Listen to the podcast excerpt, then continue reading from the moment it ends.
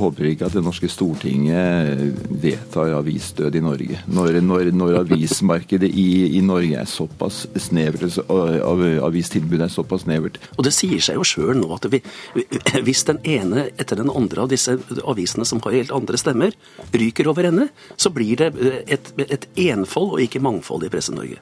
Jeg syns det har skjedd veldig mye. Kanskje mer dette ene året enn nesten hele perioden siden Gutenberg oppfant trykkekunsten for 500 år siden. For vi har sett store endringer. Kurer. NRK P2. I denne utgaven av Kurer skal vi prøve å oppsummere medieåret 2013. Hvilke oppslag husker vi? Hvilke utviklingstrekk i media er det verdt å merke seg når året nå ebber ut? Og hva venter oss i 2014? Med oss har vi journalist og debattant Arild Rønsen, leder i Norsk Journalistlag Thomas Spence og tidligere politisk journalist og leserombud i Bergens Tidende, nå universitetslektor ved Institutt for informasjon og medievitenskap ved Universitetet i Bergen, Terje Angelshaug. Og Angelshaug, hva har du merket deg med medieåret som nå er i ferd med å ebbe ut? Ja, Det som jeg syns er uh, interessant fra mitt ståsted, da, det er jo uh, at jeg har jo også vært leserombud i Bergens Tidende i uh, seks år.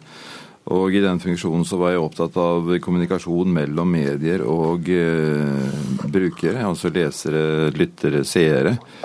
Og fordi mediebransjen tradisjonelt har vært ganske lukket om egen virksomhet, der har vi jo sett en veldig utvikling eh, de siste par årene, og ikke minst nå i 2013. Der eh, mye journalistikk er utviklet i samspill mellom eh, redaksjoner og lesere. Vi har sett eh, VG har vært flinke til det. De har hatt en svær aksjon for på å sette søkelys på departementene. Og eh, Bergens Tidende her vest har gjort noe av det samme med vignetten i verdens rikeste land. Der de innhentet en masse kvitteringer fra det offentlige, la det ut for leserne, og så skulle leserne plukke ut hvilke, hvilke utgifter de syntes var mest interessant for avisen å se på. Og eh, Det gjorde avisen, og det avfødte da en rekke kritiske saker om eh, offentlig pengebruk. Så det, dette samspillet mellom, eh, mellom, lesere og redaksjoner, det syns jeg lover godt for journalistikkens troverdighet og folks forhold til det etablerte mediehus driver med. Thomas Spence, du er jo leder i Norsk Journalistlag. Hvilke trekk er det du vil legge vekt på? Jeg syns det har skjedd veldig mye. Kanskje mer dette ene året enn nesten hele perioden siden Gutenberg oppfant trykkekunsten for 500 år siden. For vi har sett store endringer i teknologi, i marked og i den journalistiske produksjon og innhold. Jeg er enig i Angershaug at bruken Eh, og sosiale medier er ett. Det har kommet inn for fullt. Eh, det så vi nå sist eh, forrige helg med, med VG, som laga altså en etter hvert nasjonalsak om mobbing av barn som ikke får besøk i bursdagen sin. Som ble fanget opp på et slags sånn tipstorg i folkedypet gjennom sosiale medier først. Og så bruker også mediene nå mye mer aktivt enn før de sosiale mediene til å fremme sin egen journalistikk. Men jeg vil også nevne at det har skjedd veldig mye innenfor etikk og metode. Vi har hatt store saker i løpet av året som eh, Rom-kvinnesaken, som viste et, på en måte et, et sammenbrudd i, i, etikk og metode i NRK. Vi har hatt debatten rundt boken 'Moren', eh, moren til Anders Behring Breivik. Vi har hatt mye debatt om hat, trusler og ekstreme ytringer i, i de sosiale mediene. Og vi hadde en ganske viktig sak eh, hvor Slottet klaget inn Se og Hør til Pressens faglige utvalg. Ja, Pressens faglige utvalg har jo hatt uh, si det ganske travelt i uh, eh, 2013. Det har vært rekordmange saker som er anket inn for, uh, for utvalget. Og Hva tyder det på, Arild Rønsen, at det er så mange klagesaker? Nei, Det har vel litt med utvikling og at det har blitt litt lavere terskel for folk å, for, folk å skrive. Og komme ut med, med, sine, med, sine, meninger på sosiale medier og sånn. Men, men, jeg vil jo si at det som jeg sitter igjen med som, som hovedinntrykk fra, fra medieåret sett fra pressas side, det må jo være først og fremst stor usikkerhet. Det er jo eh, helt usedvanlig nå hvordan altså alle aviser, altså de store avishusene og de små, eh, mindre publikasjonene eh, famler, ikke helt i blinde, men famler likevel. For for alle ser jo at det går i en retning hvor man skal over i, over i som nettpublikasjoner. Men hvordan i all verden skal man skaffe inntekter? Fordi at journalistikken blir jo ikke gratis fordi, at, fordi om den publiseres på nett. Og nå har Aftenposten gått foran med, med å, å, prøve å, å, å, ta betalt. Det skal bli spennende å se hvordan det er. Men jeg er jo nervøs for at regjeringa nå, sånn som de har planlagt, prøver å presse avisene over på nettet for tidlig, sånn at, at man ikke ikke greier å få, å, å få inntektsstrømmen inn for å kunne opprettholde den gode journalistikken. Det syns jeg er et faretruende tegn. Deler du den frykten, Thomas Spens? Ja, jeg har også det på min liste over veldig viktige både utfordringer og ting som har skjedd i år bak oss. Altså For det første, eh, flere mediehus har tatt spranget over til å ta betalt for digitalt innhold, og det er bra. Samtidig har vi fått en, en, ny regjering som har sagt at de vil endre og kutte i mediestøtten, og de har allerede begynt. Jeg tror vi kommer, eller jeg frykter iallfall, at vi vil merke en, en innstramming overfor NRK og de aviser som nyter godt av produksjonsstøtten, og kanskje aller verst at regjeringen har sagt veldig tydelig at de vil altså for første gang innføre moms på det trykte ord, på fri journalistikk, ved å også innføre moms på altså de tradisjonelle papirmediene. Eh, det er veldig eh, trist, eh, spesielt fordi det skjer, som Rønsen sier, i en tid hvor mediehus over hele verden sliter med å finne inntekter som kan finansiere kritisk, etisk, uavhengig journalistikk. Dette med momsen, Terje Agneshaug, hva tror du det kan komme til å, å føre til? Nei, altså Rent generelt til det temaet her om fremtiden og usikkerheten, så, så tror jeg vi ser, ser konturene av hva som kommer til å skje at eh, de store, altså VG, vil klare seg økonomisk. Eh, de, eh, for det systemet slik, eller dynamikken er slik at winner takes it all gjerne i dette markedet. Og de store regionavisene Jeg jo, kjenner jo best til Bergens Tidende, og der de opplever nå en større betalingsvilje for, for nyheter også på nett. Det som eh, skjer med en, eh, den politiske linjen som regjeringen har lagt seg på, det er at du får avisdød. Det er jo ikke tvil om at eh, en del aviser som sliter i dag, vil få nådestøtet hvis produksjonsstøtten reduseres eller fjernes, og vi får moms på det trykte ord. Kan jeg få komme inn bare et lite øyeblikk der? Mm. For jeg syns det er så rart at, eh, at regjeringa, og spesielt, eh, spesielt det gamle kulturkonservative Høyre, at de driver så fælt og maser med dette spørsmålet. For det er jo altså, drøyt 300 millioner kroner. Det er, altså, I den store sammenhengen så er, vet du. Jo, men i store sammenhengen så er dette lite penger, og jeg begriper ikke hvorfor de absolutt skal hogge løs på den lille posten. Det har jo vært skrevet mye om eh, en forventet avisdød, da spesielt blant meningsavisene. Eh, Klassekampen, Dagsavisen, eh, Dagen, Vårt Land osv. Hvis disse avisene saneres pga. Av, av dette, hvor, hvor fattig vil man, man bli da? Nei, det er klart at det, altså, En ser jo de store avisene de jo, blir jo stadig likere hverandre. Eh, det var jo større forskjeller på aviser før. Nå jo alle, ligger jo alle på en eller annen sånn diffus sosialdemokratisk plattform. Og eh, alternativene er jo da de som har et tydeligere definert eh, verdisyn. Som Klassekampen, Vårt Land eh, særlig. Og eh, det ville jo være et stort tap for eh, norsk offentlighet om slike mediehus forsvant. Vi må huske at de norske avisene stort sett er vokst fram sammen med eh, partier eller organiserte interesser. Eh, som f.eks. målsak, språk, distrikt, landbruk, Eh, arbeidstakersiden. Eh, og hvis en eller flere av disse avisene forsvinner, så er det veldig liten sannsynlighet for at det vil oppstå noe som kan dekke det rommet. Det blir eh, opprettet få eller ingen mediehus i dag som kan på samme måte forvalte den arv som disse mediehusene, som har levd kanskje i 50-100 år og mer til. Så det er et ganske stort ansvar den nåværende regjeringen med støtte i Stortinget eventuelt tar på seg, hvis de strammer sånn til at det ryker over ende mediehus. Og det skal ikke så fryktelig mye til. Altså Fire-fem millioner for Klassekampen tror jeg er veldig betydningsfullt. Det er det selvfølgelig for Dagsavisen og Vårt Land også. Men jeg, jeg syns dette er merkelig, for hele hensikten med pressestøtte er vel at det, skal, at det skal opprettholde at vi skal ha forskjellige aviser her i landet. Og det sier seg jo sjøl nå at vi, hvis den ene etter den andre av disse avisene som har helt andre stemmer, ryker over ende, så blir det et, et enfold og ikke mangfold i Presse-Norge. Men heldigvis er det også en god del konservative, eh, verdikonservative som også er mot dette. Vi hadde et opprop i sommer, en kampanje for å bevare produksjonsstøtten, hvor fremtredende folk som tidligere kulturminister for Høyre Lars Roar Langslepp bl.a. skrev under på og ønsker ikke nødvendigvis produksjonspressestøtten i akkurat samme form som i dag, men at det skal være en statlig støtte til å sikre et mangfold av meninger og stemmer. Men frykten er til stede for eh, at det kan bli en, en uh, avisdød? Ja, så ja, ja det, det, blir en avisdød, det er ikke tvil om. Dette med omstilling, overgang til uh, nettbaserte aviser. Um, hvor langt er man egentlig kommet? Langt. Vi er i fremste, kanskje helt i toppen i verden. Dette året her viste jo også et nytt gjennombrudd som kanskje ikke publikum helt har fått med seg. Det er bruken av nett-TV. Eh, NRK har jo også hatt en barneserie som altså hadde flere brukere på, på nett enn på TV for første gang. Eh, VG har VGTV er jo også her ledende. Vi har sett mye både med talkshow, med nyheter, eh, med sjakk-VM og andre begivenheter som viser at det nå stormer publikum, spesielt de unge selvsagt, til nettet for å se TV når de vil og hva de vil. NRK er jo på å si, i en litt presset situasjon i og med at man mener at uh, hvorfor skal man betale for nyheter når man kan få det gratis på nettet via NRK? Er det et paradoks? Det er, vel, det er, jo veldig Altså, det er jo ikke uten videre populært i uh, de kommersielle mediehusene at NRK nå satser så tungt på nettet. Men kan vi komme til å se en inngripen fra regjering?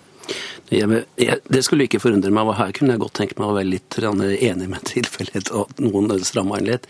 For det er jo klart at det er vanskelig kom, for kommersielle aktører å se på at de som får NRK som får fem milliarder i året, brer seg på områder. Nå hadde vi jo den debatten om yr.no. Eh, altså det som ligger helt i utkanten av det som kringkastingssjefen ville kalle for samfunnsoppdraget. Og der skal NRK være veldig veldig forsiktig med å, å i, i, praksis sette opp sperrer for, for kommersielle aktører på markedet. Regjeringen har jo varslet at de vil se på hele organiseringen, for så vidt finansieringen av NRK. Så disse spørsmålene om hvor, hvor, hvis det finnes, går grensene for NRKs virksomhet. Fra de tradisjonelle mediehusene så er det jo eh, stor frustrasjon over at eh, en del forretningsmuligheter ser ut til å bli borte eh, fordi NRK vokser. Men NRK må jo selvsagt også få vokse og ta i bruk de nye teknologiene og de plattformene hvor publikum befinner seg. Så dette er et spørsmål, en vanskelig avveining, som alle land med allmennkringkastere diskuterer i den vestlige verden. Og ingen har funnet egentlig svar på dette. Men regjeringen har sagt at de vil ta det opp til debatt, og det tror jeg blir en veldig viktig debatt. For i bunnen ligger jo først og fremst at vi har et veldig sterkt NRK som har stor oppslutning i folket, og det ønsker vi. Men vi ønsker også et mangfoldig medielandskap utenfor NRK. Kan jeg få lov å tippe litt det, at vi kommer til å få en ny debatt. Nå tenker Jeg på, eh, jeg tenkte på det når jeg så på, så på disse krimseriene i løpet av høsten. Og hver gang så valgte jeg bort NRK på, på live-TV. Fordi at jeg visste at NRK uh, kunne jeg se på, på danske krimserien på, på nettet gratis etterpå. Mens de jo da er helt umulig på TV 2, for da må du betale på TV 2 Sumo. Og jeg tipper at det kommer til å bli et debattema etter hvert. Fordi at eh, det er åpenbart at hvis jeg hadde vært sjef i TV 2, så ville jeg ansett det som en, eh, som en eh, ganske skarp sperre i konkurransen. Det blir jo veldig tydelig dette her når NRK øker bemanningen på nettet veldig sterkt, men reduserer tilbudet i sine tradisjonelle kanaler, P2 f.eks. Men hvilket press er man under uh, for å få, få, denne forandringen? Altså at no, noe skjer, slik at konkurransen blir likere? Jo, altså det, det, det, presset føler hver eneste journalist, redaktør, eier og direktør i mediehuset over hele verden. fordi det, Vi gjennomlever jo en revolusjon. Det er ikke for sterkt å bruke det ordet. Uh, mediehus klapper jo sammen ute i verden nærmest over natten. Eh, går med store underskudd, selges for én krone og lignende, så er det klart at dette er det er riktig å snakke om det største og viktigste som har skjedd siden Gutenberg. Så hvordan dette skal eh, gjøres og hvilken løsning, det er det ikke lett å sitte i et studio og si. fordi her må egentlig hver enkelt eh, mediehus finne sin egen løsning. Helt avhengig av hva slags medium man er, hvilket marked man opererer i, og hvordan man vil lage ulike betalingsmodeller. Det som passer for VG, passer ikke for Bygdebladet. Og det som passer for Nordlys, det passer ikke for Fevennen. Så her er det helt det, det går ikke an å, å, lage en slags sånn eh, tryllestavløsning som løser finansieringsjournalistikken. Det må egentlig hvert eget konsern og mediehus finne ut selv. Men det er jeg helt sikker på Sammen med offentlige rammebetingelser. Det er jeg helt sikker på, det er at hvis vi ser eh, fem-ti år fram i tida, og det er lenge med, sånn som så fort som det går nå, så vil så å si alle aviser, eller alle publikasjoner, kanskje med unntak av Bygdebladet, da, det kjenner jeg ikke så godt til, men alle er nødt til å legge opp til et system der hvor, der hvor det publiseres på nett, og hvor det egentlig er sammen med TV-en din. Det er sånn den framtida kommer til å bli. Og der har jo Netflix kommet, og, og hvor du kan se på TV akkurat når du vil. Og, og den samme knappen kommer til å være for PC-en din hjemme, sånn at du sitter og kontrollerer alt gjerne på forskjellige skjermer, men har, de, har altså TV-skjermen, stor skjerm i huset, som er, som er senteret for hvordan du bruker media. Det er enig. Det jeg mente var at mediene vil gå frem i ulikt tempo, og de vil finne ulike løsninger. Men at bevegelsene er i retning av det digitale og skjerm, er det ingen tvil om. Men det du ser nå er jo at de prøver, altså mediehusene prøver å, å etablere betalingsordninger ved hjelp av eh, papiravisen sin. Altså de skaper abonnementsordninger som, der man kombinerer det digitale og papiret. Slik at eh, jo lenger papiravisen lever, og jo, jo lenger eh, den skaper inntekter og har et marked, desto eh, større sjanse er det for at man lykkes med en overgang til det digitale.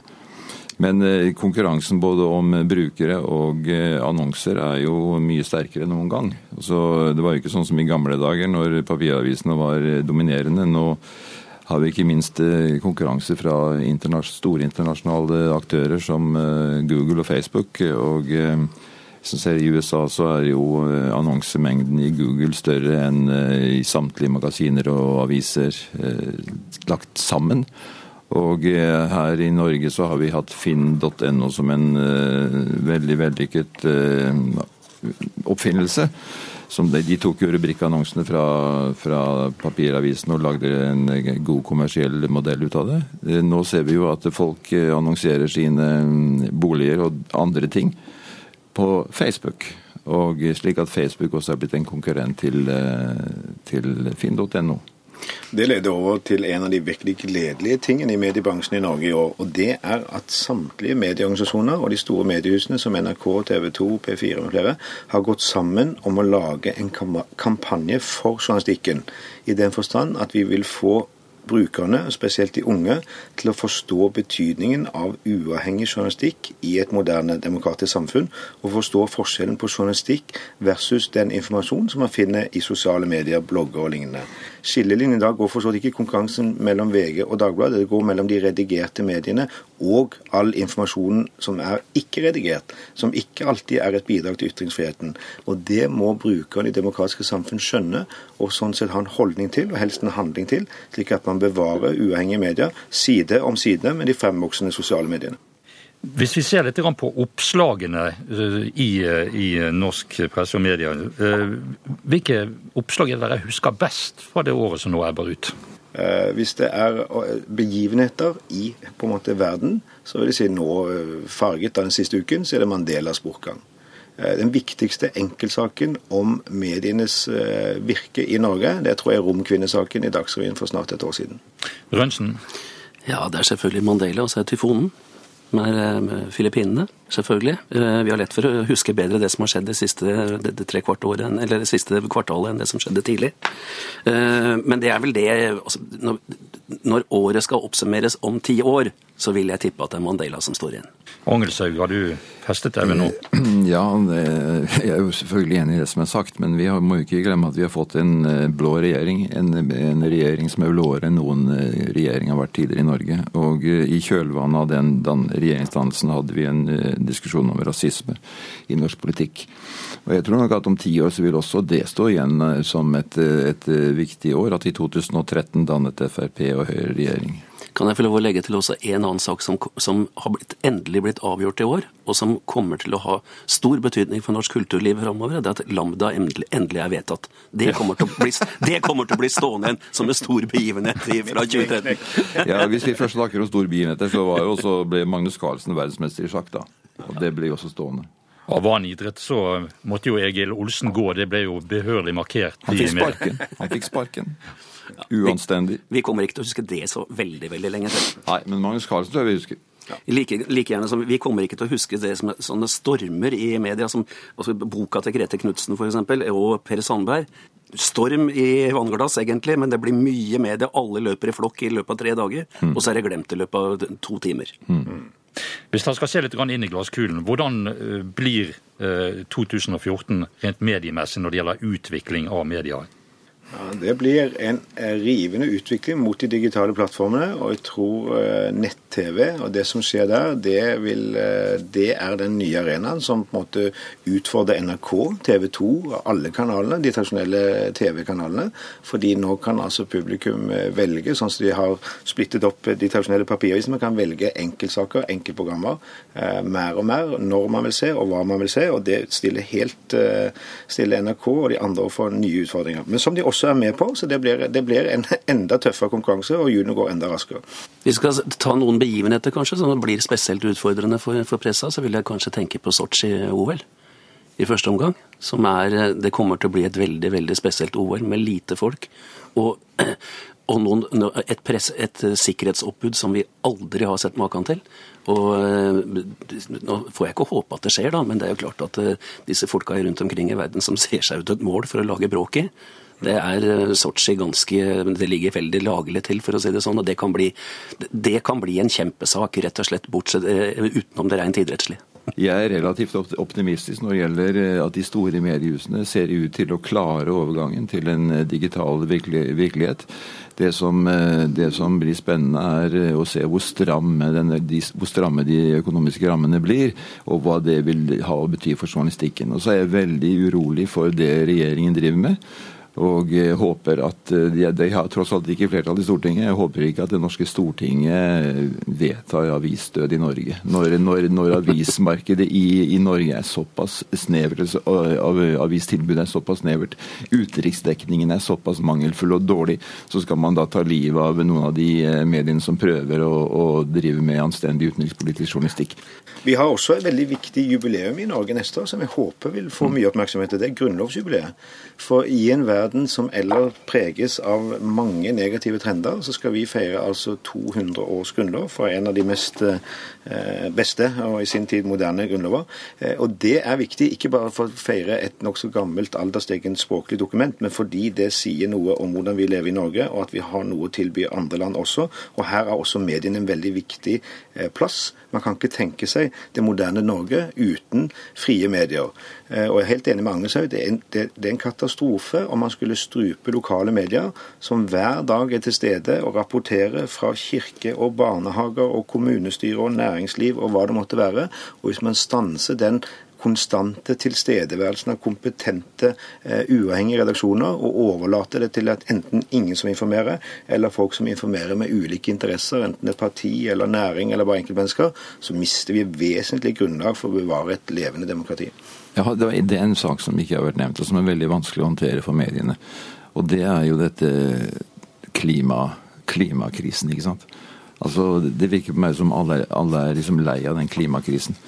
Eh, og, men altså, jeg har jo ikke noe hvor, hvor, Hvordan skal mediene bidra til at det blir politisk handlingsrom eh, til å gjøre noe med eh, det som høyst sannsynlig er en menneske, delvis menneskeskapt klimakrise? Eh, du ser den, den, eh, politiske impotensen i det området der, og konsekvensene av klimaendringene blir jo stadig tydeligere. Eh, selv de blindeste må jo nå ha sett hva som skjer. Hva er medienes ansvar der, da? Og hvordan har mediene håndtert det ansvaret? Jeg synes det, altså Mediene er eh, veldig, ofte veldig kortsiktige. Du har gode, gode reportasjer fra tid til annen.